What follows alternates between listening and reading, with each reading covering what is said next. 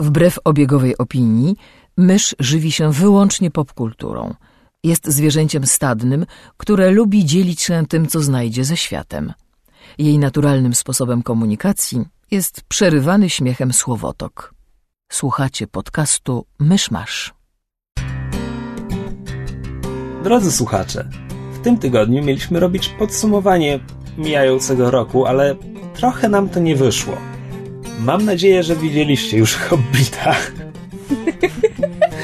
A jeśli nie widzieliście Hobbita, mam szczerą nadzieję, że mimo to znajdziecie dla siebie coś w tym odcinku. Ale może to być utrudnione. Zapraszam do 37 odcinka podcastu Myszmasz. Gospodarzami podcastu Myszmasz są Krzysiek Ceran, redaktor portalu Avalon. Kamil Borek ze studia Kobart. i Mysz, autorka bloga Mysza Mówi. No dobra, to czym się zajmowaliście przez święta? Bo ja na ten przykład eksperymentowałem, ile materii jestem w stanie wchłonąć.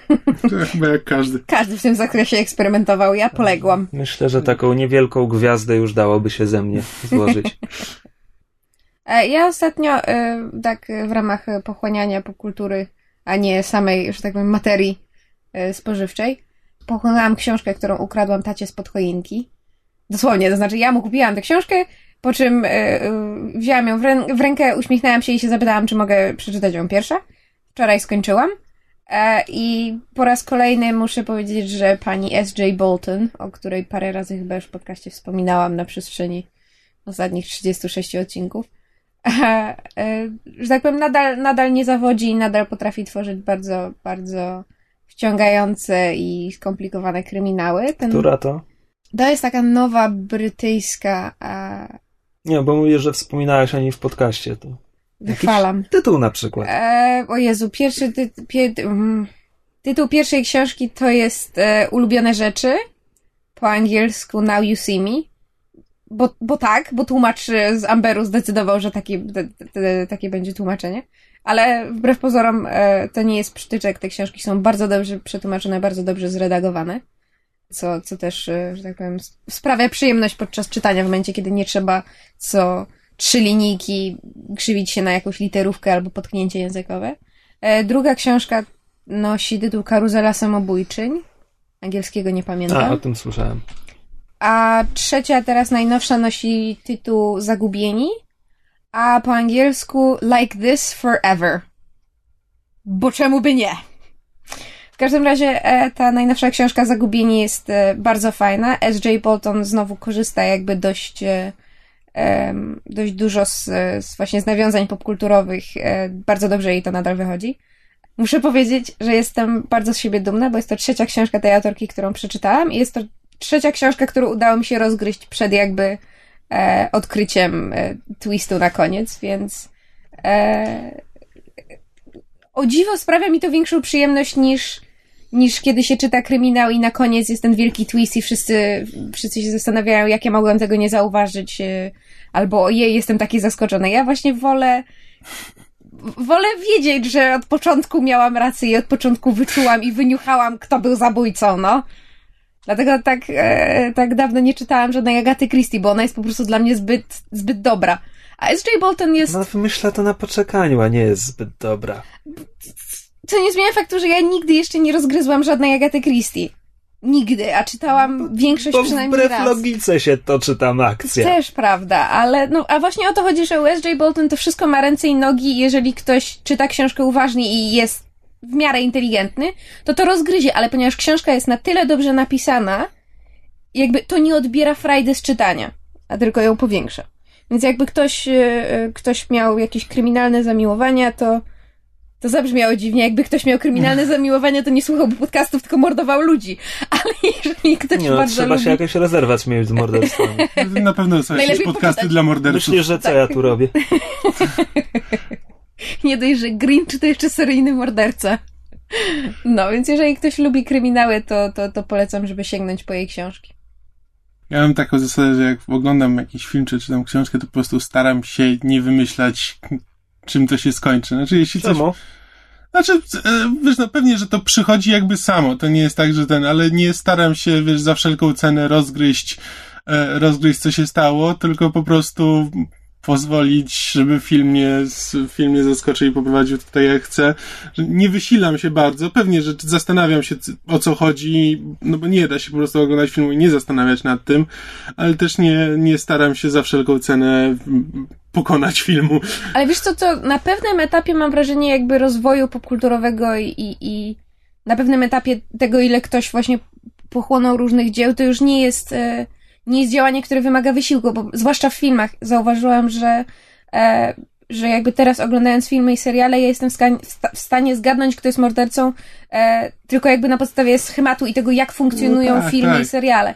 I żeby było śmieszniej, właśnie w książkach też to zaczęło jakby e, zaczęło działać. Może właśnie dlatego, że współczesne kryminały jednak e, bardziej się skupiają na tym, żeby e, morderca był że tak powiem, logiczny, a nie tak jak Krzysiek wspomniał, Agata Christie po prostu wymyślała wszystko na poczekaniu i siedziała z, ze skrzyżowanymi ten, palcami i modliła się o to, żeby to wszystko miało ręce i nogi. Ja nic nie mam do Agaty Christie, bardzo, ja bardzo, bardzo lubię jej książki. Czytałaś i nie było już nikogo? E, ewentualnie podaj mi angielski tytuł albo na, na powiedz And, and then there were none. A, w sensie dziesięciu muszynków? Teraz to jest dziesięciu żołnierzyków. A tak, tak, to pamiętam, ale ja czytałam jeszcze, kiedy to było dziesięciu murzynków. Czytałem dziesięciu małych Indian. Już nie pamiętam. E, tak, to jest, coś rasistowskiego. To jest, to jest jedna z moich ulubionych. Nic tam nie ma sensu.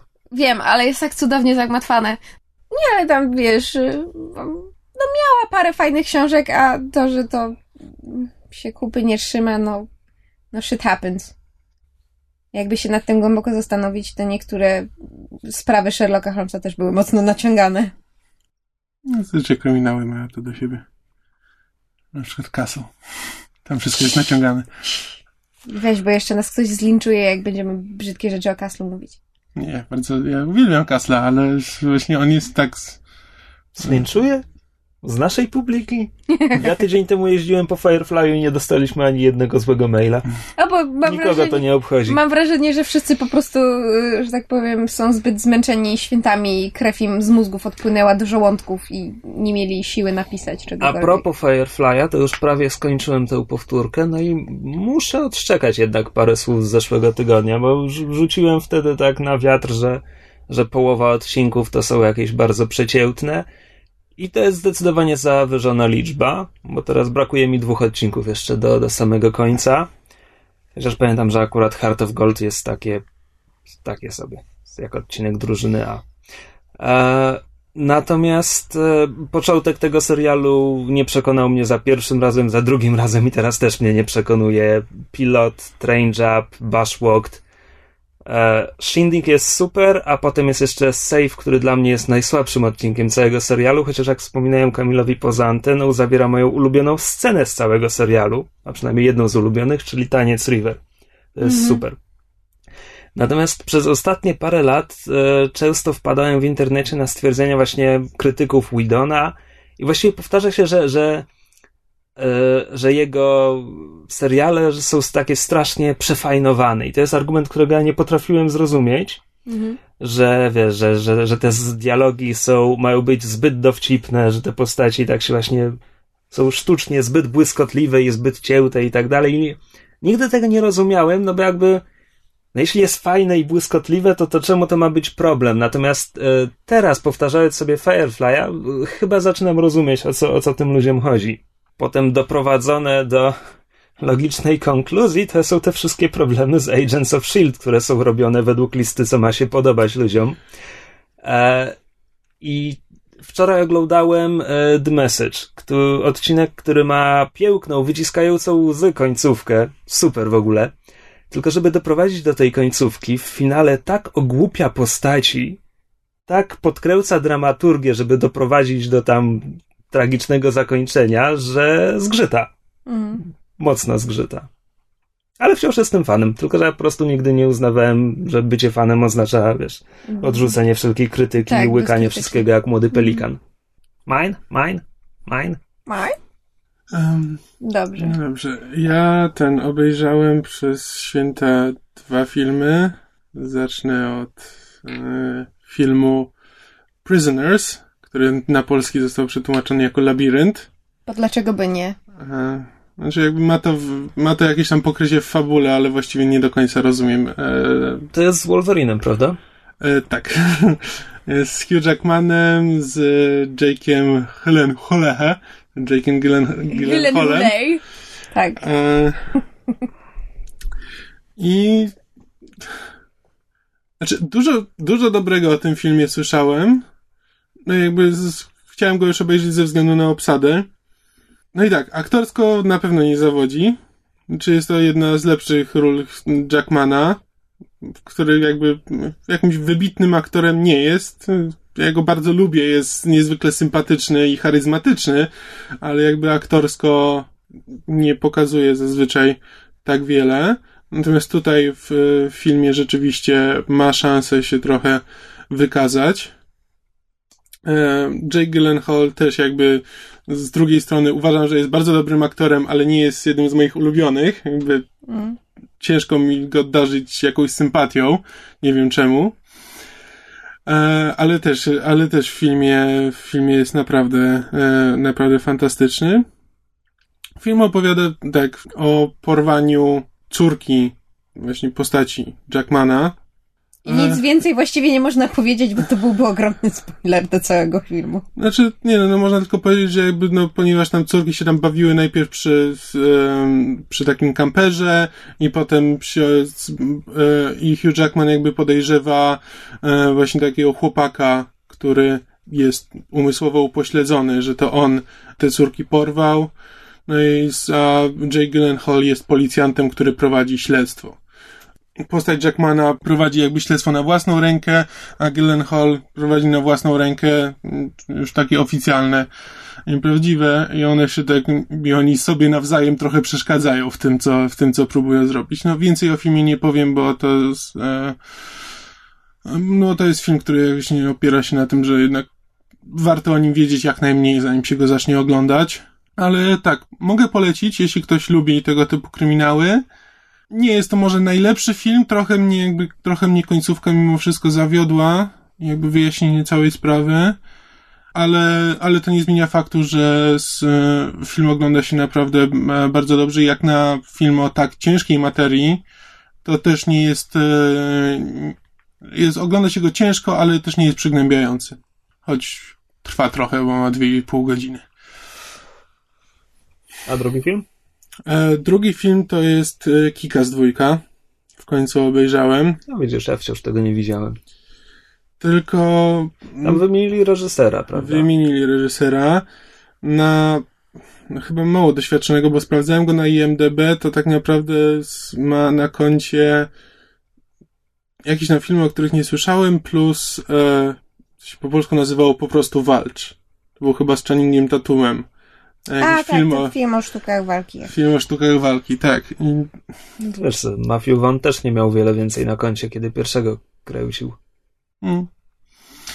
E, ale tak, ale jakby brakuje tej lekkości Wona. Znaczy, w, w pierwszym Kikasie to pewnie była e, ultra brutalność plus e, dosyć e, ciężki dowcip, znaczy taki dosyć e, niskich lotów, ale to wszystko miało jakąś taką lekkość, że składało się na całość, którą się bardzo dobrze, bardzo dobrze oglądało i można się było z tego pośmiać.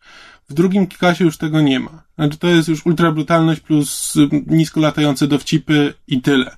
I to jakby razem nie tworzy takiej, takiej fajnej całości. E, Jakby mam wrażenie, że skupili się za bardzo na scenach akcji, a bohaterowie trochę kuleją.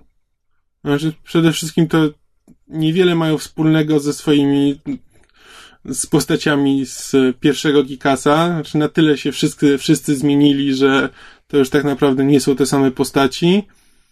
Plus jeszcze jest prowadzona cała masa nowych superbohaterów, co też wcale nie pomaga, bo też w sumie żaden z nich nie dostaje wystarczająco dużo czasu ekranowego, by, by rzeczywiście się z nim zżyć.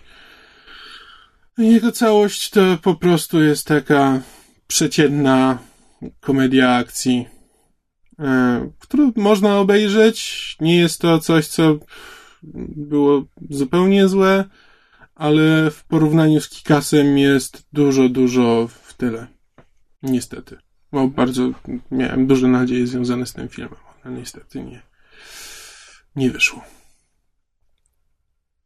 Dobrze, coś jeszcze, czy przechodzimy do Hobbita, którego wszyscy widzieliśmy? Chyba przechodzimy do Hobbita. No to Możemy jest chyba do Hobbita. największe popkulturowe wydarzenie, które ostatnio wpadło nam, że tak powiem, To, że... w Mm, ręce. czy najpierw robimy trzy minuty bez spoilerów? E, Co wydaje mi się absurdalne, bo mówimy o adaptacji Nie, książki sprzed 60 lat. Jeśli ktoś, na, 75. jeśli ktoś naprawdę jest tak uczulony na spoilery albo chce przeżyć Hobbita, to po prostu niech przeskoczy to, ale wydaje mi się, że nie ma sensu się teraz, większość osób prawdopodobnie nie, nie będzie na tym zależało szczególnie. Lecimy spoilerami, jeśli komuś to przeszkadza, to niech się przełączy. O, jak wymierzyłam! Ja patrzyłem tylko na ciebie, patrzyłem, czy mam jeszcze czas dokończyć zdanie. Co? Ja uważam, że jakby spoilerowanie drugiej części z trzech to i tak jest jakby mniejsze zło, bo największe spoilery i tak będą w trójce. No bo to zakończenie Hobbita jest tak naprawdę Mm. największym, znaczy nie, nie wiem czy twistem, no bo książka ma 75 lat, ale żeby było śmieszniej, ja zupełnie zapomniałam jak Hobbit się kończy, jak mi internet przypomniał, to stwierdziłam, że ja się trochę tej trójki boję, bo coś czuję, że będzie bardzo dużo płaczu. Ale wracamy do, do Pustkowia Smauga, do drugiej części. E, może jakieś takie ogólne wrażenia najpierw. Podobało się, nie podobało się. Film ma swoje problemy, powiela parę problemów pierwszej części i dorzuca parę nowych dla odmiany, ale nie powiela największego. To znaczy, w pierwszej się absolutnie nic nie działo, a tutaj tej treści jest aż trochę za dużo. Mhm. Na mój gust, e, ale i tak podobało mi się zdecydowanie bardziej. W sensie, podobało mi się, bo na jedynce nie mogłem wysiedzieć. A tutaj jest w porządku. Miałem bardzo ambiwalentne jakieś podejście, bo z jednej strony niby siedząc w kinie się nawet dobrze bawiłem, oglądając ten film, ale po wyjściu im dłużej o nim myślę, tym, e, tym gorsze są konkluzje.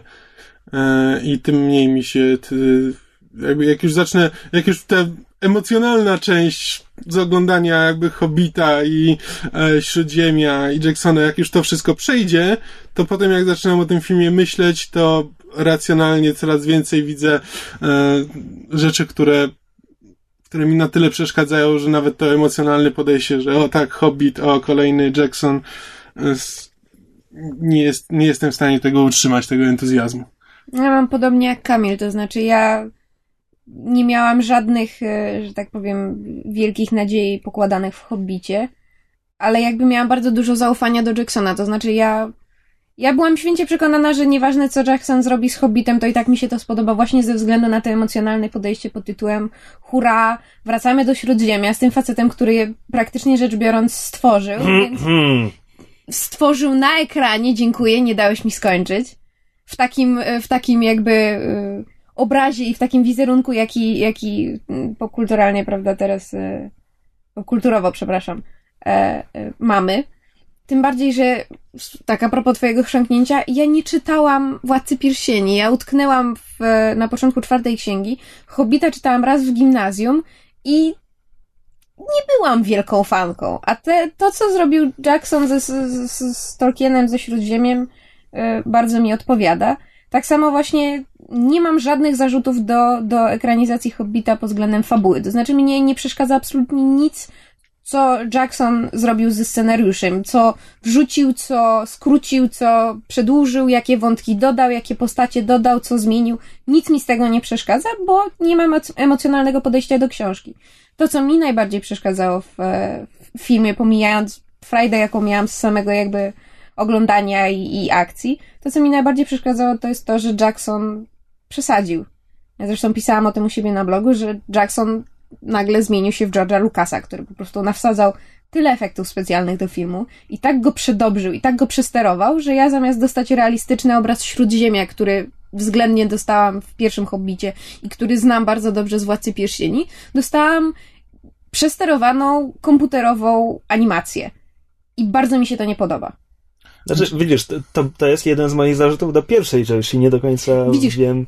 Bo o co chodzi? Ja Hobbita pierwszego widziałam raz w kinie i potem ani razu nie zrobiłam sobie z niego powtórki. I ja Ja autentycznie, ale ja autentycznie nie pamiętam, żebym ja po pierwszym Hobbicie miała takie właśnie wrażenie, wiesz, komputerowego przesterowania, ale właśnie chyba chodzi o to, że to był, wiesz, pierwszy powrót do Śródziemia po 10 latach, to wszystko oczywiście w cudzysłowie, no bo po drodze robiłam sobie powtórki z Władcy, ale to był pierwszy powrót do Śródziemia i wtedy przy tej pierwszej części ten ładunek emocjonalny był na tyle duży, że jakby ta reszta się nie liczyła, ale w tym momencie, kiedy to jest drugi film z trzech, już jakby emocje opadły i zaczynam na to patrzeć jakby bardziej trzeźwym okiem. Właśnie, Możliwe, że masz rację. Ja muszę... kłuje, kłuje mnie w to, to, że obdarzyłaś tymi uczuciami tę część Hobbita, która zdecydowanie na to nie zasługuje. Dobra, e, ponieważ nie robiliśmy podcastu, kiedy Hobbit miał premierę, nigdy o nim tak naprawdę nie mówiliśmy, Mhm. więc ja chciałbym na, na szybko, w ciągu paru ostatnich tygodni, jak Kamil opowiadał o tym, że ogląda Władcę, już wracaliśmy do tego, ale to, co mi bardzo przeszkadza w pierwszym Hobbicie, to jest właśnie, i tutaj zresztą też, no to jest za dużo komputera zdecydowanie, to jest w obu częściach tak samo. Zdecydowanie za długie walki, które na dodatek mają badziewną choreografię, Tak, bo, prze- aktorzy, prze- bo, bo aktorzy walczą z green screenem zazwyczaj. Aktorzy są green screenem, a z kolei ich przeciwnicy mają, mają mordę z green screenem. No to znaczy widziałam te screenshoty z skręcenia na planie i to wyglądało tak, że Legolas walczył z, z grupką orków, którzy byli ubrani w zbroję, ale zamiast twarzy mieli zielone kaptury. I na to potem dodano komputerowo e, twarze orków, co jest o tyle idiotyczne, że przecież za czasów e, Władcy Pierścieni to wszystko był lateks, maski i to wyglądało za***ście, to wyglądało prawdziwie. No tak, a na dodatek choreografia albo jest przefajnowana, zwłaszcza w tej części, jak dostajemy Legolasa i on musi O się Boże. popisywać tym, że grawitacja go nie obchodzi, e, oraz tym, że przewiduje przyszłość, bo on uderza w miejsca, gdzie przeciwnik dopiero się pojawi za 3 sekundy, ale i tak trafia. E, I czekaj, więc to plus to. No i mój absolutnie największy zarzut do pierwszego Hobbita, tam nie ma treści. Bo tak, jeśli zastąpimy, jeśli zastąpimy, wiesz, opowiadanie, co właściwie się dzieje i czemu to jest ważne, słowem ekspozycja, a wszystkie walki, ucieczki i w ogóle słowem niebezpieczeństwo, to pierwszy Hobbit, treść pierwszego Hobbita wygląda tak. Ekspozycja, ekspozycja, ekspozycja, Bilbo spotyka krasnoludy i idzie z nimi na wyprawę. Niebezpieczeństwo, niebezpieczeństwo, niebezpieczeństwo. Bilbo spotyka Goluma i kradnie mu pierścień. Niebezpieczeństwo, niebezpieczeństwo, niebezpieczeństwo. Thorin uznaje Bilba. To jest treść na 30 minut filmu, a nie 2 godziny 40.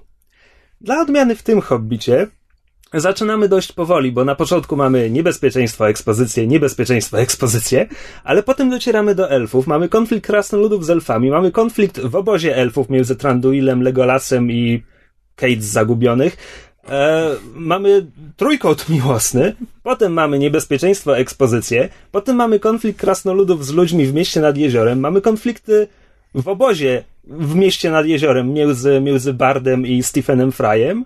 Potem mamy jeszcze trochę niebezpieczeństwa, no a potem mamy niebezpieczeństwo, niebezpieczeństwo, niebezpieczeństwo. I smoka. I tutaj jest największa wada tej części, to znaczy tak jak pierwsza część miała otwarte zakończenie, tak ta nie ma żadnego zakończenia, film się urywa. To jest tak, jakby ktoś mi wyłączył telewizor, kiedy ja oglądam film na Polsacie i ktoś wyłącza telewizor, bo zaczyna się przedostatnia przerwa reklamowa. To jest koniec pustkowia Smauga. Co nie wkurzyłoby mnie aż tak strasznie, gdyby film, który ma już 2 godziny 40, miał jeszcze te 5 minut i zakończył się swoją logiczną konkluzją tego etapu podróży, to znaczy gdyby ubili Smauga na koniec tego filmu tak jak powinni byli.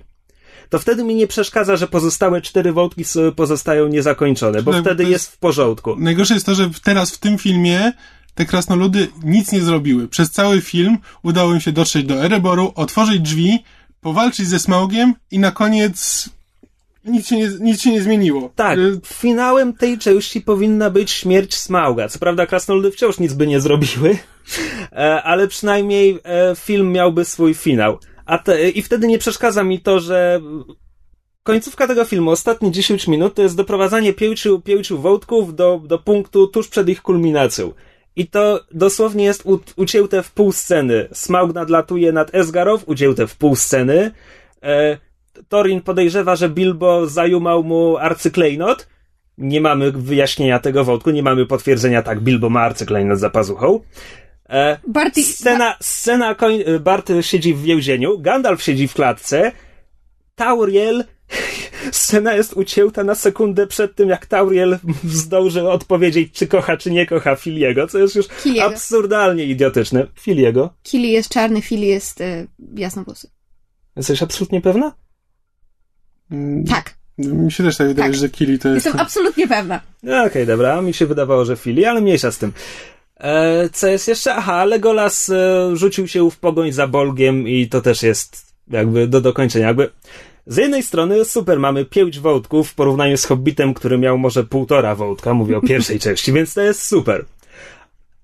Ale czemu Jackson nie, nie zakończył, wiesz, walki ze Smaugiem? No to jest to, co powinno Wiesz, mieć ja bym- swój finał ja tej bym części. nawet nie miał nic przeciwko temu, gdyby na przykład te krasnoludy w jakiś sposób tego Smauga osłabiły. Czy dokonały czegoś, co sprawi, że później da się go pokonać.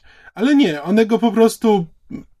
One nic, Opruszyły go złotem! Tak, żeby jeszcze, nie wiem, na przykład to złoto mu przeszkadzało w lataniu, czy coś, żeby na przykład zostało mu trochę i było mu ciężej latać.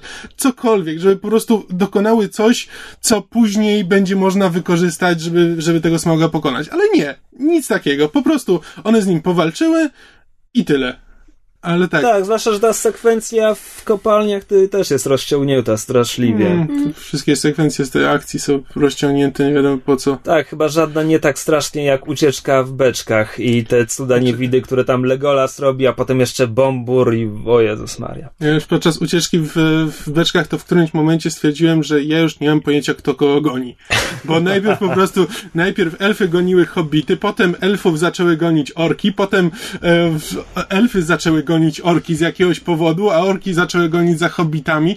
I ja już po prostu w którymś momencie to już właściwie nic, pogubiłem się, kto właściwie, Tak, bo- czemu za, za kim Bombur biegnie. wyskakuje z rzeki i się toczy, Legolas chodzi po krasnoludzkich głowach, orki wpadają do rzeki i w ogóle tańczą balet na brzegu. No, prze, przefajnowany było- jest ten hobbit o Chryste. W, w tej scenie było parę fajnych pomysłów, tylko że też albo akcent jest położony na zupełnie co innego, czyli właśnie Legolasa tańczącego na krasnoludach, bo na przykład to, że oni w tym momencie nie mają broni i tam muszą podawać sobie jeden zdobyczny miecz, to jest fajne. Ten sam pomysł był co prawda w drugich Piratach z Karaibów, ale już mniejsza o to. E, tylko, że to jest jakby gdyby się na tym skupić i z tego stworzyć ten wątek dramatyczny, że ojejku, tylko jeden z 14 bohaterów ma broń, byłoby spoko. No ale tam się tak dużo dzieje, to jest tak strasznie przedłużone. No dobra, w tym momencie już największą wadą nie konkretnie tego filmu, tylko całej trylogii staje się dla mnie to, jak absurdalnie Jackson skopał podział materiału. Pierwszy Hobbit, tam nic nie ma. Drugi Hobbit, tu jest za dużo, ale za to nie domykamy wątków. I teraz trzeci Hobbit, nie wiem, jeśli skupi się na postaciach, w co wątpię w tym momencie, to jest spoko, bo tam jest dużo takich psychologicznych rzeczy. Tak jak już w tej części Bilbo zaczął wariować od pierścienia, Thorin zaczął wariować od władzy, a Gandalf spierał się, czy ma pozostać wierny przyjaciołom, czy wymogom scenariusza. Ten wątek był trochę po łebkach. E, Mówisz? tak w trzeciej części no jest tego więcej, zwłaszcza z Torinem.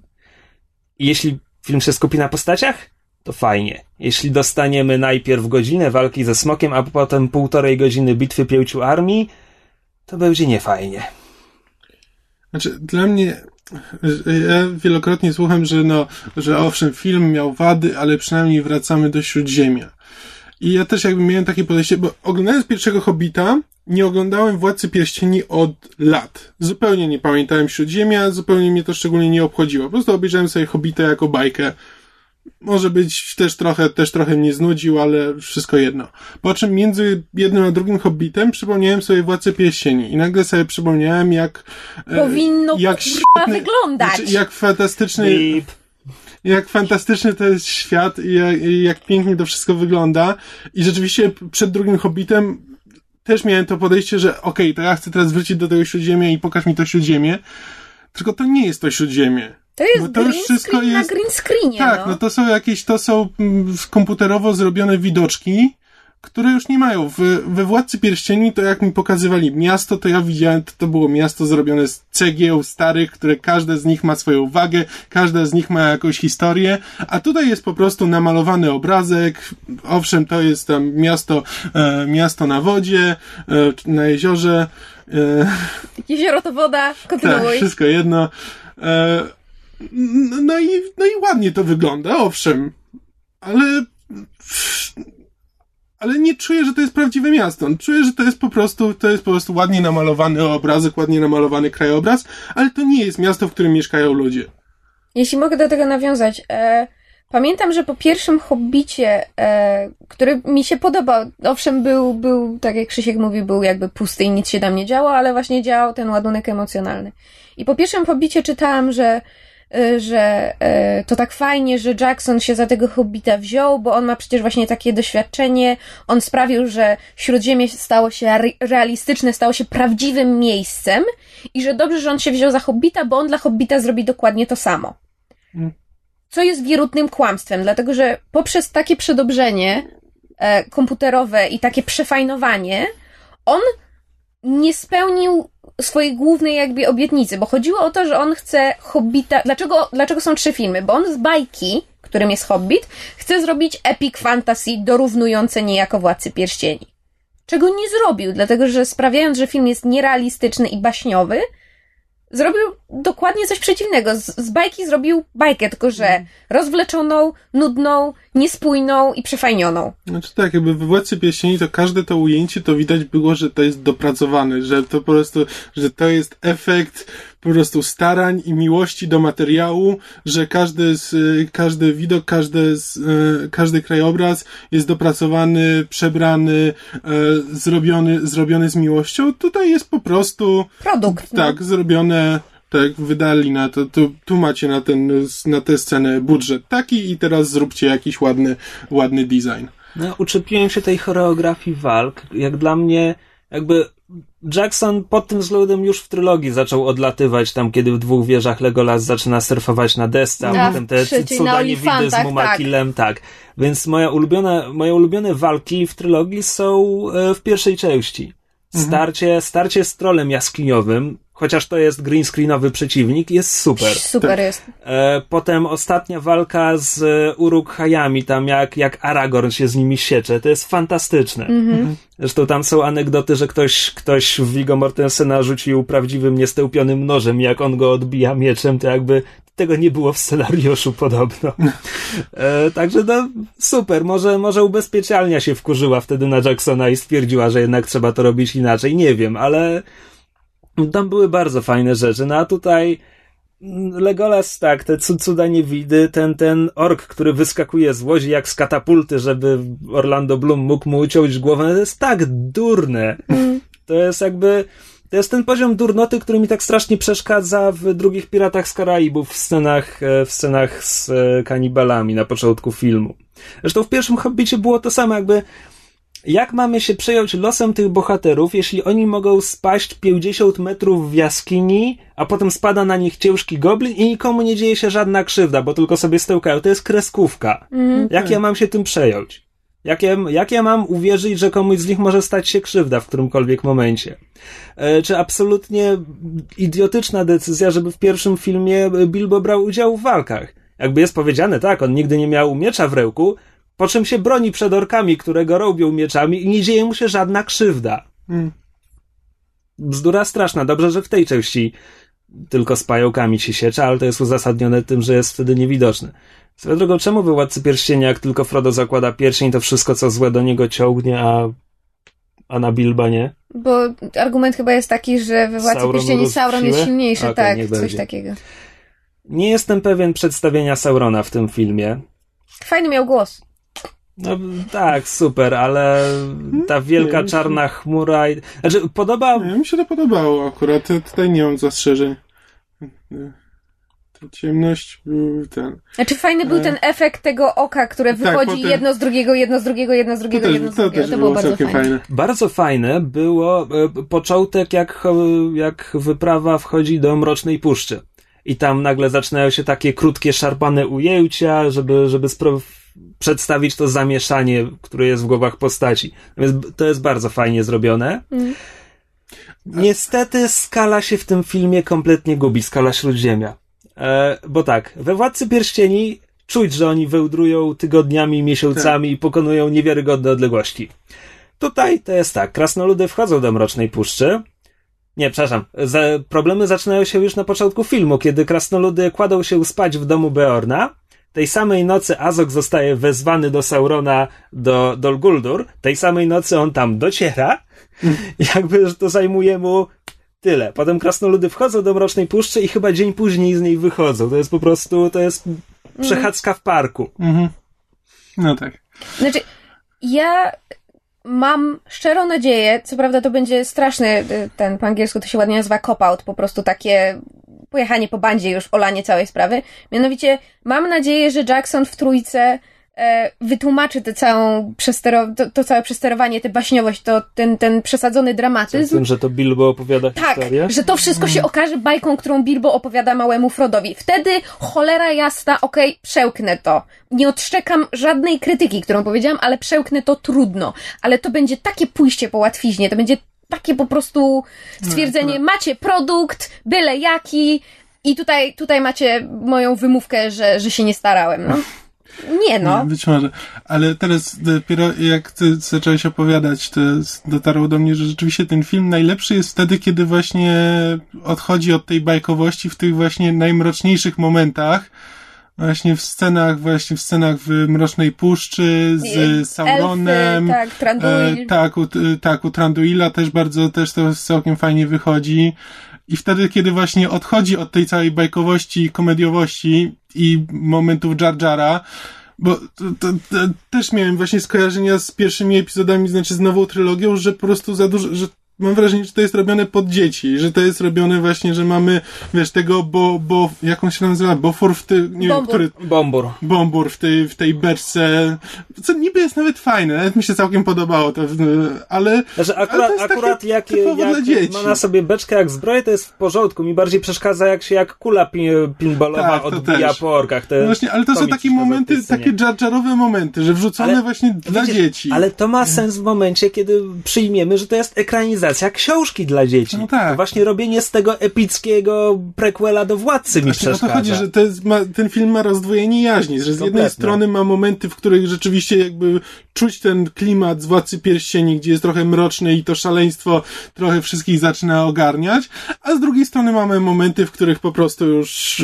nic nie ma znaczenia, a grawitacja nie działa, żadne prawa fizyki nie działają i po prostu się bawimy. Widzisz, tylko że e, dla mnie ten film jest najlepszy w innych momentach. Dla mnie ten film jest najlepszy, kiedy skupia się na tym, czym powinien był być od samego początku, czyli łotrzykowską wyprawą krasnoludów po złoto. Ten film jest najlepszy, kiedy na przykład Torin zjednuje sobie ludność miasta nad jeziorem. Kiedy e, kiedy ten e, zawiera układ z tym ewidentnie złym i skorumpowanym władcą miasta zamiast tym dobrym, prawym i szlachetnym bardem. Wtedy ten film jest dla mnie najlepszy. A te wszystkie wycieczki, wiesz, że Gandalf się mierzy z Sauronem oko w oko i w ogóle to jest inna historia. To, Z jednej strony się z tobą zgadzam, bo właśnie w tych jakby momentach, gdzie, gdzie, gdzie Torin właśnie przekonuje do siebie ludność miasta, tak jak Kamil wspomniał, te, e, wszystko co się dzieje w, jakby u Tranduila, też konfrontacja Torina z Tranduilem. Dla mnie najsilniejsze w tym filmie były momenty jakby w, w głowie nazywam to zbliżeniami, to znaczy wszystko co się dzieje w postaciach, między postaciami, na ich twarzach, w relacjach między nimi. To jest to, co mi się w filmie podobało. Co jest o tyle ciekawe, że jakby jedną z naj, naj, najfajniej rozegranych e, relacji czy interakcji, jakby tego nie nazwać w filmie, dla mnie było jednak e, Bilbo ze Smaugiem. To znaczy, jednym z najfajniejszych rzeczy dla mnie w filmie był, były właściwie monologi, no bo tam Bilbo to tam wtrąca trzy słowa co chwilę, ale były monologi Smauga, bo rzeczywiście, biorąc pod uwagę, jak film jest przesterowany, to Smok jest zajebisty. Mimo Mhm. wszystko, no come on. Smok jest super. Nie no, smok jest super. Smok jest super, ale też ta scena strasznie zyskuje przez Martina Freemana, który ja nie wiedziałem, że on jest tak dobrym aktorem komediowym. Te jego, te, te jego gesty, po prostu mowa ciała w scenie ze Smaugiem, zwłaszcza jeśli sobie przypomnimy, że tam na planie był pewnie, nie wiem, Benedict Cumberbatch w zielonym stroju. E, no, Martin Freeman jest super. Nie, Martin Freeman ma naprawdę, on ma właśnie świetnie opanowaną taką właśnie delikatną komedię, że on nie jest dobry w, w slapstickowych tych, ale właśnie takie delikatne ruchy, kiedy on tam schodzi po raz pierwszy do tych podziemi i tak zastanawia się, w którą stronę, czy ma pójść teraz, czy... i takie drobne i widać po prostu to wahanie w jego ruchach i to jest najśmieszniejsze. Jakby on nie jest takim slapstickowym, typowo komediowym, ale to jest właśnie taka brytyjska, brytyjska komedia, tego starego typu, gdzie to wszystko jest tak e, tylko w gestach, w ruchach i tak, Tak. w twarzy. Tak. W niuansach. No, Smaug, zdaje się, że założeniem było takie, że Smaug ma być jak, jak żaden inny smok, którego dotąd widzieliśmy na ekranie. Mam wrażenie, że chodziło na przykład o to, że smoki kojarzą się z takim majestatem statycznym i tak dalej, a Smaug się ciągle rusza. Nie, dla mnie smok to jest. Wie... Dla, dla mnie smok to jest jak ogromny łuskowaty kot. I w sumie tutaj w smogu to dostałam, bo to, jest, to było dla mnie jak ogromny dziki kot. Trochę tak, znaczy No. dla, mnie, dla mnie on w pewnym momencie już się aż za dużo ruszał, to znaczy nie mógł siedzieć na miejscu, jak już zaczął. E, ale nie, był, był w porządku, fajne, fajne jest to jego zadufanie i tak dalej. To było, to było dobrze przedstawione. E, jakby Richard Armitage miał wreszcie okazję udowodnić, że jest niezłym aktorem. Jakby on w pierwszej, w pierwszej części jego zadanie było takie wyglądać dumnie Być i, majestic. i dołsać się. Być majestic, A tak. tutaj jakby i że zaczyna trochę szaleć od władzy i jednocześnie troszczy się od swoich podwładnych i właśnie ta przemowa w mieście nad jeziorem jakby był super, miał więcej Tak. do zagrania, Mm. był bardzo porządny. Co tam jeszcze? No poza nimi Martinem Freemanem to reszta właściwie gra jednowymiarowe postaci. Oj, nie I wiem. Ian McKellen, który jest świetnym aktorem, nie ma nic do zagrania w tej części, No, kompletnie. Nie, No, reszta, ten reszta krasnoludów, Tak troszkę. Reszta krasnoludów też jest w tle Duża jakby. zasługa tego filmu znowu w porównaniu do pierwszej części. Teraz jestem już w stanie przypisać tak chyba z siedmiu krasnoludom ich imiona. Jakby zacząłem, wreszcie zaczęli coś dobra, robić, wiem- przynajmniej wiem- połowa. Wiemy, który to jest Torin, wiemy, który to jest Balin, bo to jest ten, który robi najwięcej Ekspozycja. ekspozycji, tak. Wiemy, który jest Bofur, bo Bofur jest mój ulubiony. Wiemy, który to jest Bo, Kili Bofur to jest ten w uszastej czapce, prawda? Tak, tak, Został ten, w mieście który, nad jeziorem. tak, który Dobrze. szukał tego, te Kingsweed. Atelasu. Tak, Atelasu, dziękuję. E, wiemy, którzy to są bliźniacy. E, wiemy, który to jest Bombur. A potem już mam problemy. Znaczy, tylko, że Bombur to wiemy, bo jest gruby. To nie jest tak, że on się w filmie Znaczy, ja popisał go, poz- czymkolwiek. ja go poznaję przede wszystkim po tym cudownym warkoczu z brody. Naprawdę? Po tym Tak. go poznajesz? Tak. Okej. Znaczy, to się komponuje z tym okrągłym kształtem jego brzuszka, ale to jest jakby ogólne w tym wrażenie. filmie Wiemy, wiemy, który to To jest Blood, bo ma charakteru. Przyszywany brat idiotyczną scenę, idiotyczną scenę z portretami rodzinnymi swojej żony i Gimliego. A tak, ale to było takie Fajne. słodkie. Nie, to było idiotyczne, to jest, wiesz, że ten Legolas, a, a co to za maszkara? To mój syn Gimli. I to jest śmieszne, bo Legolas potem się zakocha w Gimlim. No to jest tak głupie. Eee, Przepraszam, na odwrót. E, trylogia filmowa zdecydowanie zyskuje, jeśli uznasz, że Gimli to jest krasnoludzka kobieta i próbuje się spodobać Legolasowi. Wtedy wszystkie te interakcje i to, że robi się z niego Jar Jar, zaczyna mieć, nabiera sensu. Podoba mi się ta no interpretacja. tego.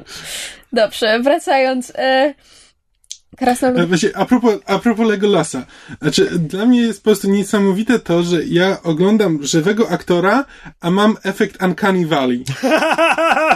E, Teraz mi wytłumacz, co to jest Uncanny Valley. E, To jest takie pojęcie, według którego na przykład robot, ale nie tylko, właściwie każdy wizerunek człowieka, który nie jest prawdziwym człowiekiem, ale jest na, na tyle zbliżony do człowieka, że nie widzisz na pierwszy rzut oka, że przecież to oczywiste, że to jest namalowane czy napaćkane piaskiem na śniegu, czy cokolwiek, co ja właśnie powiedziałem.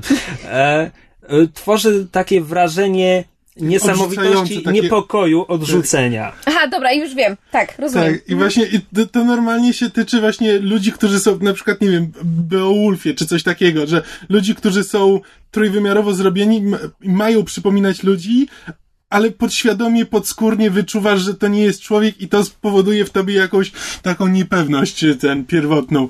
A, a tutaj wiesz, mamy Legolasa, mamy żywego aktora i ja patrzę na niego i właśnie mam takie uczucie. Komputerowy Musi- lifting Tak, zrobili. No. umozili go komputerowo. O, nie no tak, ja właśnie o Orlando to Bloom się no. prawie w ogóle nie zestarza, może ma parę Ale zmarszczek elf, więcej. nie może się w ogóle zestarzeć. Ale właśnie nie znoszę tego argumentu, bo przecież wszyscy fani serii i tak by przyjęli na wiarę, że te, ta zmarszczka, którą on tam ma w kąciku oka, to jest po prostu padające światło. Przecież nikt No by on nie miał pretensji on- o to, że on wygląda za staro. On i tak nie wygląda jak Legolas z Władcy Pierścieni, więc równie dobrze mógłby wyglądać jak po prostu troszkę troszkę starszy Orlando Bloom i trochę go tam, nie wiem, makijażem był, odmłodzić. Był dziwny. Bo teraz po prostu wygląda jakby nie miał skóry, tylko miał po prostu naciągniętą jakąś folię na, Prawda. e, na twarz. To, co jest o tyle problematyczne, że on staje przecież tuż obok e, tej ta Taurieli. E, w sensie tej Lili, Lili Evangeline, która jest. E, nie, Evangeline Evangeline. Lili, tak, cudownie, która jest śliczna i nie ma efektu komputerowego. To znaczy, ona jest po prostu, ona wygląda jak elfka, ona jest tak, tak ucharakteryzowana Dobra. makijażem. A teraz coś, co mi kompletnie nie przeszkadzało w, pie- we Władcy Pierścieni i na co nie zwróciłem uwagi w pierwszym Hobbicie, ale ależ oni mają plastikowe te uszy. No właśnie też zauważyłam. Nie wiem, E, albo, albo teraz zamówili po prostu z Chin tę partię, żeby było taniej. Ale ja też to zauważyłam, bo przecież hobbici w, w, we Władcy Pierścieni, te, te, te ich uszy i, i, i stopy, one wyglądają prawdziwie. A tutaj patrzę na Martina Freemana i się zastanawiam, stary, kto ci rozdmuchał uszy i stopy. To wygląda tak nierealistycznie. To wygląda jak, jak, jak silikon, jak, jak plastik, no. Nie wiem, ja już nie zauważyłem tego zupełnie. Straszne to jest. Zwłaszcza, że mam wrażenie, że u Evangeline Lilly te uszy były trochę innego koloru niż jej cera. I one były y, jakby, one były bardziej, to po angielsku jest takie słowo translucent, one były bardziej przezroczyste niż powinny być uszy. Znaczy nawet biorąc pod uwagę jakby z e, to, że tkanka w, w takich, prawda, szpiczastych, długich uszach będzie cieńsza w, w pewnych miejscach i będzie prześwitywała właśnie światło i będzie widać naczynia krwionośne. Tego było za dużo. Co jest dla mnie o tyle wkurzające, że mać, przepraszam, ekipa Jacksona, ten Weta Digital i cały ten Weta Workshop, oni mają już doświadczenie w robieniu tych wszystkich rzeczy, więc dlaczego to tak kiczowato wygląda? Dlaczego to jest tak wszystko skiepszczone? Oszczędności. No Właśnie, Ale to Nie, ma to oni nie wiedzieli, ma- ile pieniędzy będą potrzebowali? Ale to jest coś, czego ja nie potrafię zrozumieć, a spotykam się z tym już po raz któryś. Tak jak na przykład oglądając e, Wolverine Origins, nie mogłem zrozumieć, co, czemu oni... Szpony Wolverina. Szpony Wolverina w trylogii X-Men są w porządku, nie mam żadnego problemu. W Wolverine Origins były komputerowe, sztuczne w co drugiej scenie. Czemu? Czemu po trzech filmach? Czemu z tym doświadczeniem i tak dalej? Czemu to się nagle dzieje? Jakby nie potrafię sobie wyjaśnić tego inaczej niż jakieś lenistwo i oszczędności, bo robili to już w trzech filmach, to wiedzą jak to zrobić najprościej i po łebkach. I nie muszą się starać. Nie, ale jest- myślę, że, że Hobbit ma dużo większy budżet, bo bo, e, Władca Pierścieni miała tam No wiesz, około, inflacja. około 100 milionów e, na film, Hobbit ma 150. No to aż taka inflacja przez te 10 Komputer, lat. efekty komputerowe kosztują. No to ale- właśnie trzeba było ciąć efekty, a robić wszystko realistycznie, biorąc pod uwagę, że już mają doświadczenie z taśmowym No, ale to produkowaniem jest, ale to jest proste- roboty, wiesz. Tak, ale efekt jest wart tej roboty, o czym Jackson chyba- wie, bo dostał nagrody, wszystkie działy, że tak powiem, techniczne dostały nagrody za swoją pracę Może we to wszystko władcy. wynika z tego, że po prostu chcieli ten film wypuszczać co roku, No więc e, się śpieszą z tymi efektami, no bo jednak Szybciej Władca jest Pierścieni zrobić tam mijały co dwa lata przynajmniej. Nie, co roku. Co roku? Oryginalny władca co roku wchodził. Oryginalna trylogia. Tak czy tak widać, że idą po łebkach i że I w tym nie ma... nie Może mieli wcześniej, po prostu się dużo, dużo dłużej do niego przygotowywali niż przed Hobbitem. Nie wiem, Właśnie, z czego to wynika. ja pamiętam tyle, że Hobbit rodził się w bólach. Wiadomo, Guillermo del Toro miał reżyserować, No tak. a, a w końcu mu się znudziło czekać, aż prace ruszą. Także tam w preprodukcji coś Hmm. było nie tak. E, dobra, ale czekaj, bo tyle mówiliśmy o charakteryzacji komputerowej Orlando Bluma, a ja chciałbym powiedzieć, że jestem zadowolony z tego, jaką rolę mu dali. Bo Tak, tak, jak tak. w pierwszym Mhm. Hobbicie El- Elijah Wood wszedł na plan, zszedł z planu i nic z tego nie wynika, tak tutaj Legolas na początku jest bardziej antagonistą naszych bohaterów. Jest w porządku, znaleźliśmy Tak, coś do roboty. Ma ciekawszą rolę niż Legolas we Władcy Pierścieni, tak naprawdę. Prawda? E, trójkąt miłosny. Nie, znaczy w ogóle miłość romantyczna nie do końca pasuje do Śródziemia i po prostu stylu Tak, Tolkiena. poza tym Peter Jackson też jakoś chyba nie wie, jak ją pokazywać, bo za każdym razem, jak ktoś się w kimś zakochuje, to po prostu pojawia się wokół niego aura świe, świetlista i to ma, Tak, to ma tym- świadczyć poza o tym, że go poza kocha. tym- Że Poza tym to, kocha. że Philly zaczyna od razu jechać poezją, whatever. E, Ja, ja nazywam ten pairing Evangeline Killy. a, czekaj, co jeszcze? Aha, no oczywiście zatruta strzała, bo była w pierwszym, była we Władcy Pierścieni, więc musimy jak najwięcej recyklingować wątków, żeby było wiadomo, że to ten sam świat. Przeżyłbym bez tego. Zastanawiam się też, aha, dobra, bo, bo nie mogłem, nie, nie do końca mogłem zrozumieć, czemu, czemu Jackson dzieli krasnoludów w finale, czemu tam część krasnoludów zostaje w mieście nad jeziorem. Pewnie właśnie po to, żeby krasnoludy miały cokolwiek do roboty przy ubiciu Smauga. Prawdopodobnie, nie wiem, wydostaną Barda z więzienia czy coś. A właśnie, e, Bart. Lubimy, podobało nam się. Fajnie był zrobiony. Czemu ten człowiek cały czas ma minę wściekłego kota? No bo taką, taką ma fizjonomię, ale mi, znaczy, ja, Co to za aktor? Luke Evans, Evans. tak zwany Orlando, znamy? Orlando Bloom dla ubogich, e, muszkieterów, Muszkieterów? tych Nie. nowszych, no nieważne. E, w paru rzeczach grał. E, głównie w brytyjskich filmach grywa. E, Fast and Furious 6 ostatnio grał, złego. Nie, Nieważne. E, w każdym razie Luke Evans to jest Orlando Bloom dla ubogich, tak się, go przy, tak, tak, tak się przyjęło go nazywać. I on jest bardzo nierównym aktorem. On ma świetne momenty i ma fatalne momenty. Ja byłam bardzo, że tak powiem, em, miałam bardzo duże e, zastrzeżenia do jego zatrudnienia Znaczy, ja do bym, roli ja bym Barda. powiedział, że w Hobbicie pokazał jedno i drugie. Tak, ale jakby podoba mi się to, co jakby pokazał w roli Barda i, i, i, i jak stworzył na ekranie postać. Po prostu postać Barda mi się zawsze wydawała e, taka... Eh. No on tam jest, żeby zabić smoka. jakby. No właśnie, a tutaj jakby widać te jego dylematy. Umów, u- znaczy, umówmy się, że w książce w ogóle mało kto ma jakiś charakter Oczywiście, poza... że tak, no bo to jest, wiesz, Tak, jest cała masa postaci, a książka jest króciutka, więc tak, no, ciężko jest mm, się nad nimi rozpisywać. No ale właśnie to jest to, co mi się w Hobbicie podobało, że jakby te, ten rozwój tych postaci, że mamy te, te, te motywacje tego Barda są fajnie i te jego dylematy moralne są dobrze pokazane. Rozwój Torina w tę taką bardziej mroczną stronę też jest dobrze pokazany, co w książce właściwie jest ujęte w, nie wiem, trzech zdaniach w sumie. E, Tranduil jest jakby tutaj bardziej rozwinięty i bardzo mi się podoba, co Lee Pace zrobił z tą postacią, bo to jest taki, ja się śmiałam, że Lee Pace'owi nikt nie powiedział, że już zatrudnili kogoś do roli psychopaty w tym filmie i był to Benedict Cumberbatch w roli Smauga, więc Tranduil jest takim, tym, tym drugim takim właśnie e, ja- wariatem. ja go oglądając- są te sceny, gdzie on się zgina w pasie, żeby być na, na, na równym poziomie z Ale Tranduilem. w tej scenie, w Fu, której... Torinem. W tej scenie, w której on się zgina w pasie, ja doszedłem do wniosku, że on byłby świetnym Jokerem. Bo ja po prostu miałem skojarzenie z y, animowanym Jokerem. Y, I te jego jak o ruchy były mówisz. takie, y, właśnie, jego ruchy, cała ten, cały ten sposób poruszania się był bardzo Jokerowaty. Jokerowaty. Dobra, e, byliśmy w mieście nad jeziorem, to ja chciałbym wspomnieć, że tak jak jest w tym filmie humor dla przedszkolaków, jest go za dużo na mój gust, ale i tak mniej niż w pierwszej części. Przynajmniej nie śmiejemy się z tego, że trole smarkają.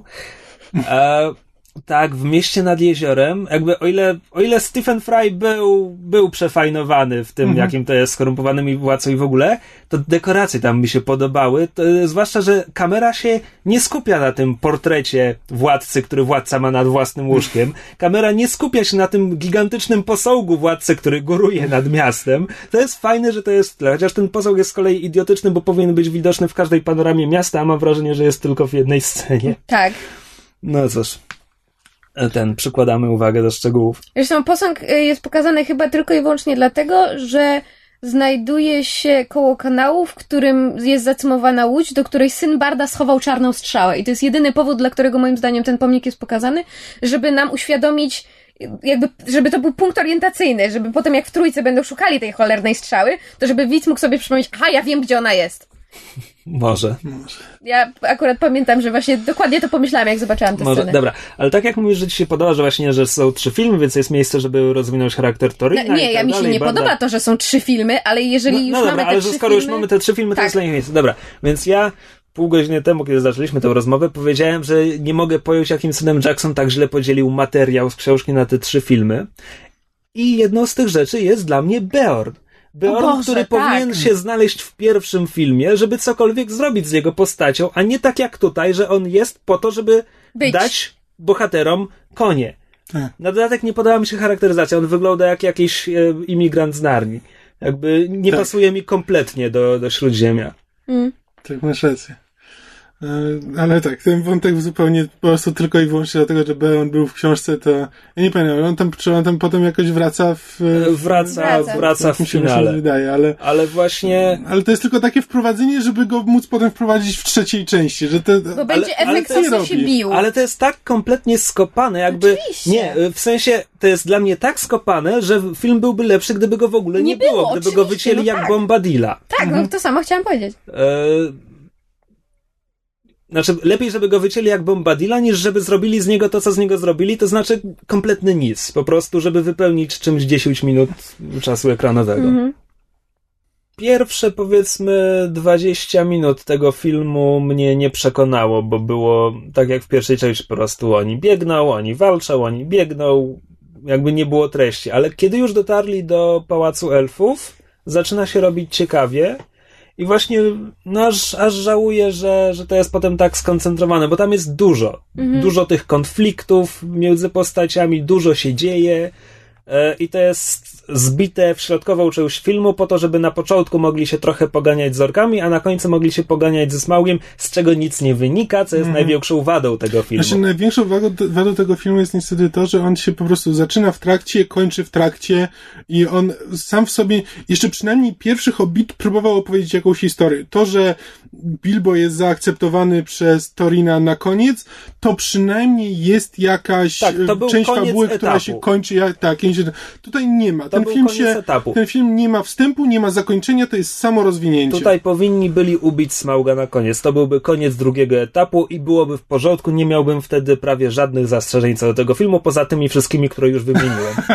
Ale poza tym to by... To by Poza nawet- godziną zastrzeżeń, Tak, o których rozmawiamy. nawet ja już, ja już e, nie mam jakby, znaczy mam duże pretensje o to, że film nie ma początku i zakończenia, ale jakby ro, rozumiem, tak na chłopski rozum rozumiem, dlaczego on się tak skończył i dlaczego on właściwie, prawda, kończymy na tym, że Smaug leci do miasta na jezior, jeziorze, chciałam powiedzieć jeziora, miasta na jeziorze e, i że nie mamy sceny jego ubicia.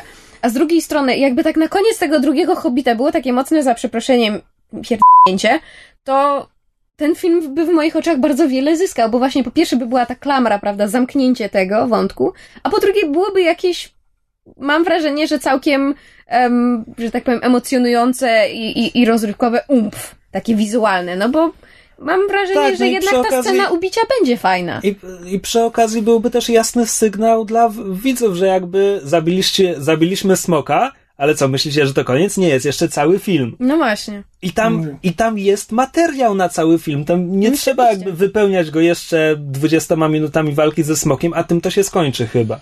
Bo nie widzę sensu inaczej w takim, w takim podziale. No, ja nie pamiętam w ogóle Hobbita, nie pamiętam czym się kończył Hobbit, więc się teraz nie zabijają tak na 50 stron przed końcem, a potem te wszystkie orki, które ich goniły, w końcu ich doganiają i jest, jest duża, bitwa- epicka bitwa Pięciu armii. e, pod e, Ereborem. Pod Tak. Ereborem. E, No i, wiesz, boję się, że to będzie tak, i- że po prostu będzie i- się toczyła walka ze Smaugiem w mieście na jeziorze. Nie, bo to jest, bo to jest po prostu bitwa, wiesz, gdzie krasnoludy, ludzie z nad jeziora tak, i i- elfy ramię w ramię biją się z orkami a poza tym na i koniec wargami, które są policzone jako... Bo to się nazywa bitwą pięciu armii. Mnie zawsze ta liczba myliła, bo wargowie, czyli te pieski, na których jeżdżą, są liczone jako armia w Hobbicie. Co jest dziwne, znaczy w Hobbicie one gadały i były trochę inteligentne, a w filmach nigdy tego nie robiły, więc pewnie będzie bitwa czterech armii. Albo uznają, że orki z e, Morli i orki z Mordoru to dwie różne armie. To ja mam jeszcze takie pytanie, bo e, Krzysiek wspominał a propos e, tego, jak jakby został pokazany Sauron i że to tak niekoniecznie. E, Chciałam do tego nawiązać i a propos właśnie pierścienia i, i, i tego motywu, że jak Bilbo bo- go zakłada, to, to nie ma jeszcze tego efektu, który jest we Władcy Pierścieni, jak Frodo zakłada pierścień, że całe zło do niego ściąga. Em, jak wam się podobała scena w, Mrocznej Puszczy, kiedy w trakcie walki z pająkami jakby Bilbo po raz powiedzmy po raz pierwszy zaczyna sobie zdawać sprawę z tego, jaki wpływ ma na niego W pierścień. sensie, i... że dostaje berserka, żeby jakąś larwę ubić? E, Mniej więcej, ale jakby mnie się na przykład bardzo spodobało, jak, jak Martin Freeman to zagrał, tak, że jakby z jednej strony Bilbo wy, wydaje się podejrzewał od początku, że coś jest nie tak z tym pierścieniem, a z drugiej strony widać, jak bardzo jest zaskoczony swoją reakcją, tym, że właśnie dostał takiego, takiego strasznego ataku, co jest o tyle ciekawe, że to ładnie się komponuje z Władcą Pierścieni, gdzie przecież jest scena w e, Rivendell, kiedy stary Bilbo e, widzi pierścień na szyi Mm, tak, Froda tak. i nagle ma taki atak, e, prawda, furii, który Która, był zupełnie... która byłaby fajniejszą sceną, gdyby Jackson nie dodał tam swojej stylizacji, zamieniając go w po prostu kuzyna Goluma. Tak, ale to już po, pomijając, ale ta scena była bardzo jakby, ona się brała znikąd, bo jakby nigdy wcześniej nie widzieliśmy tak gwałtownej reakcji na pierścień, ale właśnie bardzo mi się podoba takie jakby korespondujące sceny, że właśnie tutaj mamy, widzimy skąd się brała ta agresja i ta furia i że to rzeczywiście em, nie, nie była scena tylko i wyłącznie dla efektu, Mhm. prawda, trupa z szafy we Władcy Pieścieni, tylko że to ma jakiś głębszy sens. Nie, nie, to było bardzo fajne. No i w ogóle Bilbo wyrasta na dużo ciekawszą postać od Froda na przykład. Mhm, tak, absolutnie. Zdecydowanie. Tak, no bo Frodo jednak cały czas po, przez większość Władcy Pierścieni, to poza tym, że jest coraz bardziej zmęczony, to pozostaje mniej więcej tą samą postacią, mimo jakby wpływu pierścienia, a Bilbo jakoś się, Bilbo się zmienia. Thorin swoją drogą też jest ciekawszy od Aragorna, bo Aragorn jest właściwie bez skazy i Tak, zmazy. tak. I on jest ten niechętny król, co to Nie, ostatecznie zdecydowanie. zwycięża. Nie, postać Torina jest dla mnie bardzo interesująca, jakby Nie, właśnie, bo to w swoich fajne. założeniach, Tak jak, nie, tak jak we od tego, co z Władcy, nim film tak jak we Władcy Pierścieni dla mnie najciekawszą postacią w drużynie jest, jest i zawsze był Boromir.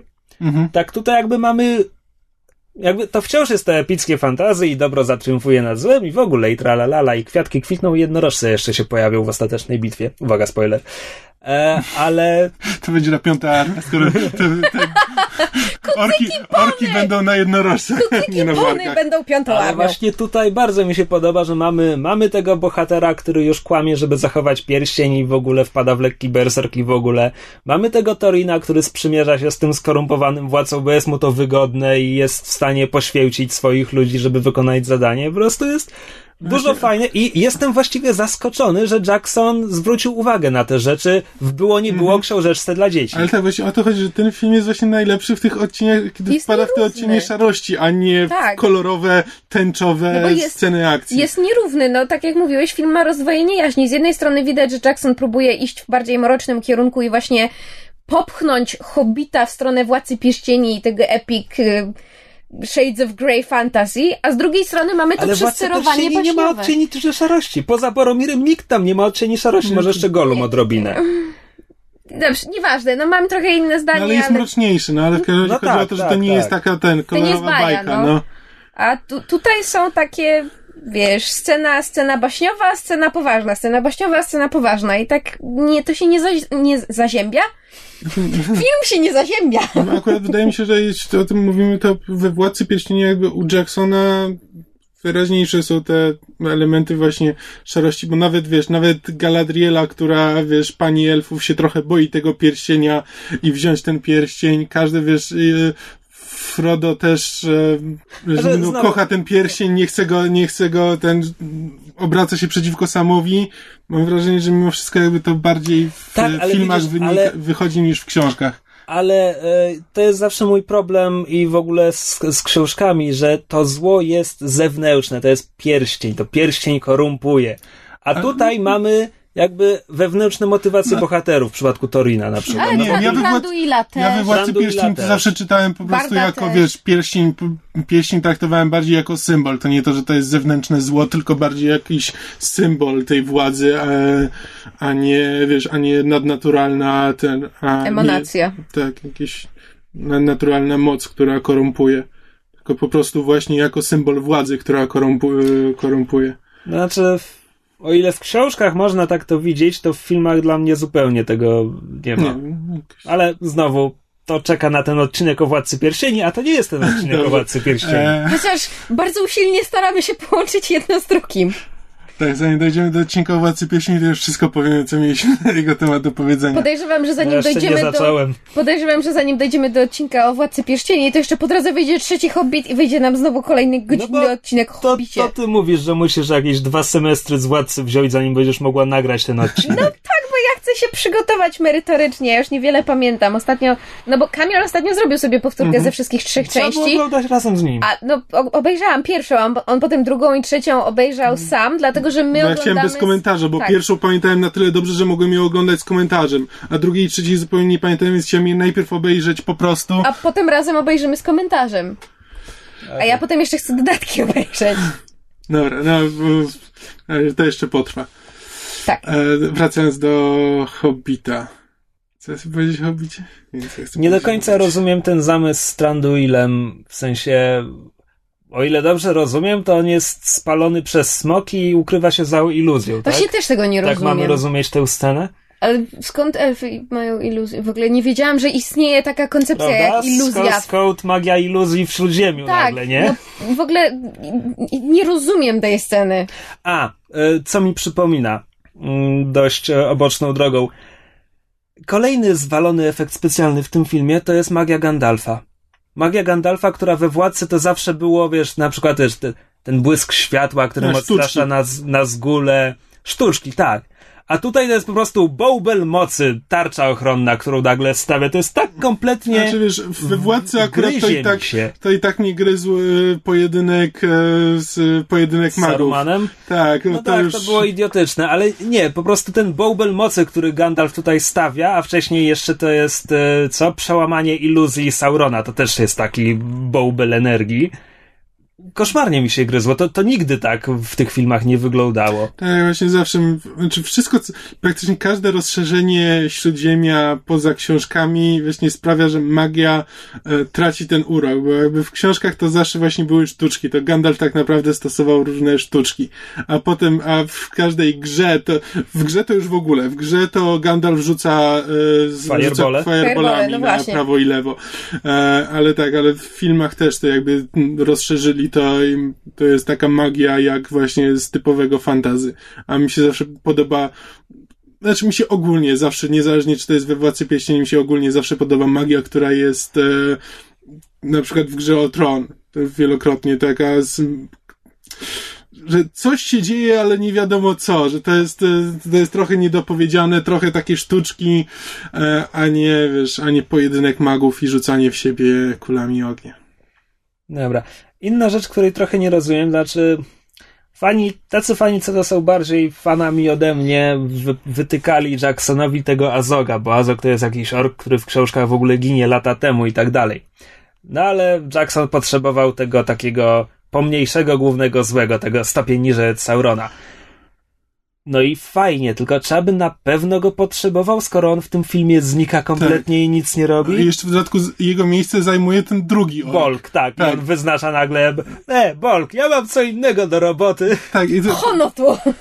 To jest najdziwniejsze. Właśnie ja, się, ja no, też siedziałem w kinie i się zastanawiałem, po cholerę ten Bolk, czemu to nie Azok miał, miałby ich ścigać, no. Bolk to, jeśli dobrze pamiętam, z kolei jest właśnie książkowy dowódca tych orków. Ale... no, Czyta, czytałam raz w nie gimnazjum, nie pamiętam. Ale e, jeśli chodzi o takie... E, A, i takie, te, przepraszam, ale, e, Proszę. bo skoro jesteśmy przy Bolgu, to takie rzeczy, wiesz, po prostu jakby, ja zawieszam moją niewiarę na kołek, jak idę na film fantasy i w ogóle, e, ale potem jak Bolk i jego orkowie pakują się do miasta nad jeziorem i, nikt tam nie nikogo widzi. nie ma, nie ma Tak. żadnych strażników, nie ma, gdzie są ci wszyscy szpiedzy? ludzi w ogóle nie ma na ulicach. Po prostu nic, tylko dwoje elfów, krasnoludy i małe dzieci. Jak ja się cieszę, że te małe dzieci przeżyły starcie z krwiożyczymi olka, or, olkami. Mhm. Orkami? Orkami, tak, bo, bo to mi bardzo pomaga uwierzyć w to, jakim zagrożeniem są ci orkowie.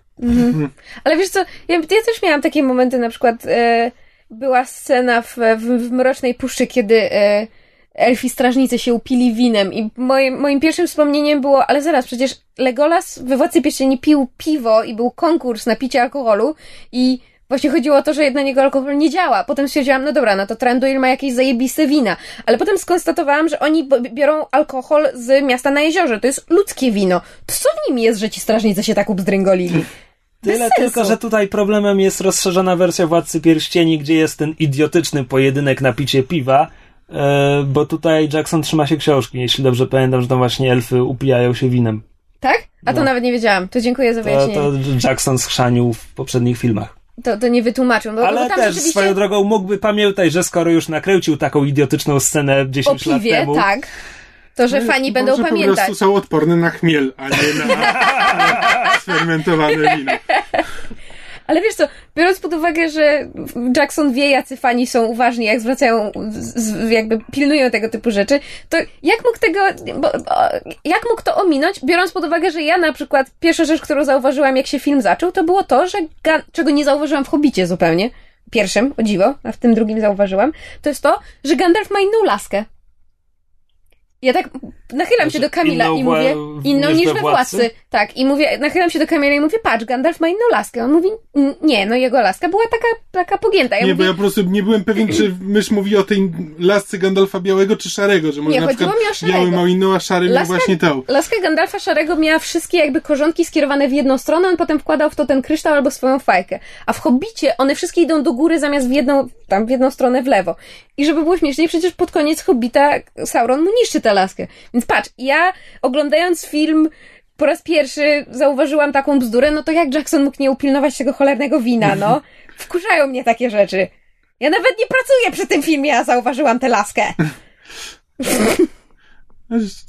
Wiesz, zawsze zastanawia się ten, czym jest właściwie laska maga? Znaczy, skąd oni je biorą i co one im dają? I czy to jest... Wiesz co, no... Czarodzieje w Śródziemiu są wysłannikami w uproszczeniu bogów. No, znaczy tak, wiem, że nie są ludźmi, że to jest tylko ten, przyjmują, przyjmują taką formę. A...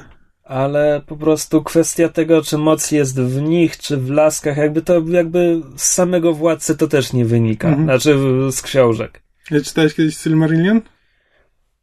Tak, ale to było dawno temu i nieprawda i nie pamiętam prawie nic poza paroma imionami. Jakby... No dobra, mniejsza o to, tak. Jakby ktoś, może któryś z naszych słuchaczy byłby mi w stanie powiedzieć, czym jest laska czarodzieja i A tak właściwie, opowiedzieć więcej o czarodziejach. Bo wszyscy, wszyscy mówią, że Jackson tak, e, tak wiele pododawał do Hobbita właśnie i tam i jeszcze z Władcy jakieś tam rzeczy z dodatków po, pozabierał no, i Silmarillionu. W ogóle cała, cała kwestia tego śledztwa Białej Rady a propos tego, czy nekromanta jest mm. nekromantą, czy Sauronem i w ogóle to jest, to jest w dodatkach. Aha, a, w, sam, w samym Hobbicie to jest dosłownie, wiesz, w finale, kiedy Gandalf już wraca, to są jakby dwa zdania, żeby wyjaśnić, czemu go nie było przez pół książki. Jasne. A co jest właściwie wzięte z Silmarillionu? Bo ja jakby, ponieważ nie znam e, tak dobrze Władcy Pieścieni i Silmarillionu, nigdy nie czytałam Hobbita, czytałam raz w gimnazjum, to jakby ja wszystko, co widzę w filmach, jakby akceptuję jakby na wiarę, na zasadzie, że to jest Tolkien, tylko że Jackson go troszkę tam przeinaczył. Znaczy pomijam, że wiem, że Tauriela nie jest postacią Tolkiena, tylko tylko Jackson ją wymyślił. Ale to co w takim razie jest jeszcze w Hobbicie pododawane? Ale pododawane w stosunku do książki? Tak. Tak mniej więcej. Na przykład, co, co teraz w Puskowiu Smoga było, było drastycznie zmienione albo drastycznie dodane? Znaczy, no, dodana jest cała wyprawa Gandalfa do Dol Guldur. Mhm. I to jest z dodatku. Ewentualnie, no, jakby rozszerzenie tych dwóch zdań z końca książki, kiedy opowiada, że faktycznie coś takiego było. E, ale poza tym. A, no te motywy w mieście nad jeziorem. No właśnie, bo jeżeli. Konflikt Barda z, z władcą miasta. Mam wrażenie, że jeśli tam w ogóle coś takiego było, to to była kwestia jednego zdania, że potem Bard był popularny i był lepszym władcą niż władca. Ale to Aha. Jakby cały, cały motyw tego, że władca jest autorytarnym draniem, co szpieguje i w ogóle i tak dalej, to nic z tego nie, nie ma. bo zaczęłam się zastanawiać, bo przecież Legolasa w Hobbicie nie, nie było. Ma. Tak samo jak Tauriel, więc zaczęłam I się zastanawiać. Wo- bardzo wo- bardzo rozwija... wątpię, żeby w dodatkach było wspomniane, żeby Legolas brał w tym wszystkim udział. No właśnie, więc się zastanawiam, jak w takim razie rozgrywało się te sceny między innymi w mieście na jeziorze w Hobbicie, bo ja, ja, ja nie pamiętam A, okej, okay, no oczywiście, najważniejsze, nie ma żadnej zatrutej strzały, żadne krasnoludy nie zostają w no mieście właśnie. nad jeziorem, wszyscy, wszyscy idą wszyscy do Eryboru. Do, Eryboru. No właśnie, to, to było to, co, co, co mnie zastanawiało. Tak, tak, to w ogóle, więc tego wszystkiego potem nie ma. Mhm.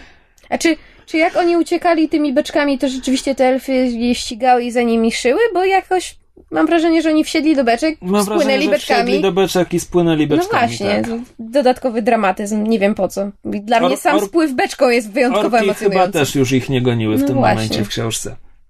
Ach, szkoda gadać.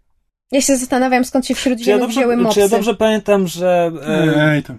Czy ja dobrze... Co? Mopsy. Skąd się wzięły wśród ziemi mopsy? No Jezus Maria, skąd się wzięli wśród ziemi ludzie? No, no więc wiesz... E... Wark Samczyk dopadł wiewiórkę E, czy ja dobrze kojarzę, że wkleili tak ze trzy klatki z Galadrielą do tej części? Mam wrażenie, że twarz Galadriel w pewnym momencie się pojawia, jak ktoś coś wspomina. Gandalf, jak wchodzi do Dol Guldur, to chyba coś tak, przypomina. Tak, coś było z Galadrielą. Tak. Mhm. A z kolei na samym Kate początku... Blanchett potrzebowała tantiem. na samym początku filmu jest y, przecież ten... E... Podejrzewam, że Peter Jackson potrzebował Kate Blanchett. Jest tak, chyba mniej propos, zakochany. A propos Petera Jacksona, to przecież na początku filmu mamy ten... E, wracamy do Bri, do to jest, to jest ładne, kucyka. E, podobało mi się, że to jest powtórzenie ujęcia z Drużyny Pierścienia. Przeżyłbym bez Jacksona, który no właśnie, znowu gryzie marchewkę. Tak. I żeby było śmieszniej, to jest jedna z pierwszych scen w filmie. To jest pierwsza scena. Ta, tak. Czy, czy on mógłby być jeszcze bardziej zadowolony w sobie? No come on! Spot the director, kurde, no. Dobra, chyba wyczerpaliśmy temat, bo coś te ci, cisze się przedłużają. Tak. Mm, Tak. Podsumowując, Znaczy, nie, mi się w sumie, że podobają mi się na przykład w tym Hobbicie postaci, i jakby tam są zalążki, z, że, na przykład czytając e, wpis zwierza, e, zwierz pisał ten, e, ten przyglądałem, że to jest, że to jest historia o wielkich rzeczach i właśnie o tej władzy, która korumpuje.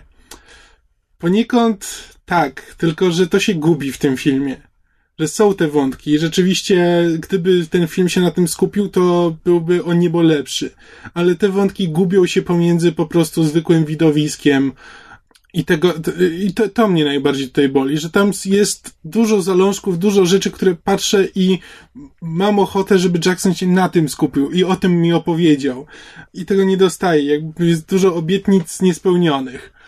No ale tak, jakby postaci są bardzo fajne i fantastycznie zagrane, jakby do obsady, do obsady nie mogę się przyczepić w żadnym momencie. Dwie trzecie krasnoludów jest karykaturalne, no ale to nie, Ale- nie wina aktorów. Tak, ale takie jest założenie i to mi nie przeszkadza, no. No i, wiesz, no i to jest ładny film, tylko czemu musi być taki sztuczny? tak, to z kolei moim największym zarzutem jest właśnie ta sztuczność, że zamiast dostać prawdziwe, realistyczne śródziemie, dostałam gumową jakąś, nie chcę powiedzieć kaczkę, bo to Zgubiłam się Nową gdzieś w tej dostałaś. Dostałam tak, zamiast dostać piękną, y, że tak powiem, pełną szczegółów lateksową maskę, dostałam jakąś chińską podróbkę, tak jak Krzysiek Hobbit powiedział. jako gumowa kaczka. Nasz tytuł odcinka. Takiego tytułu chyba jeszcze nie było.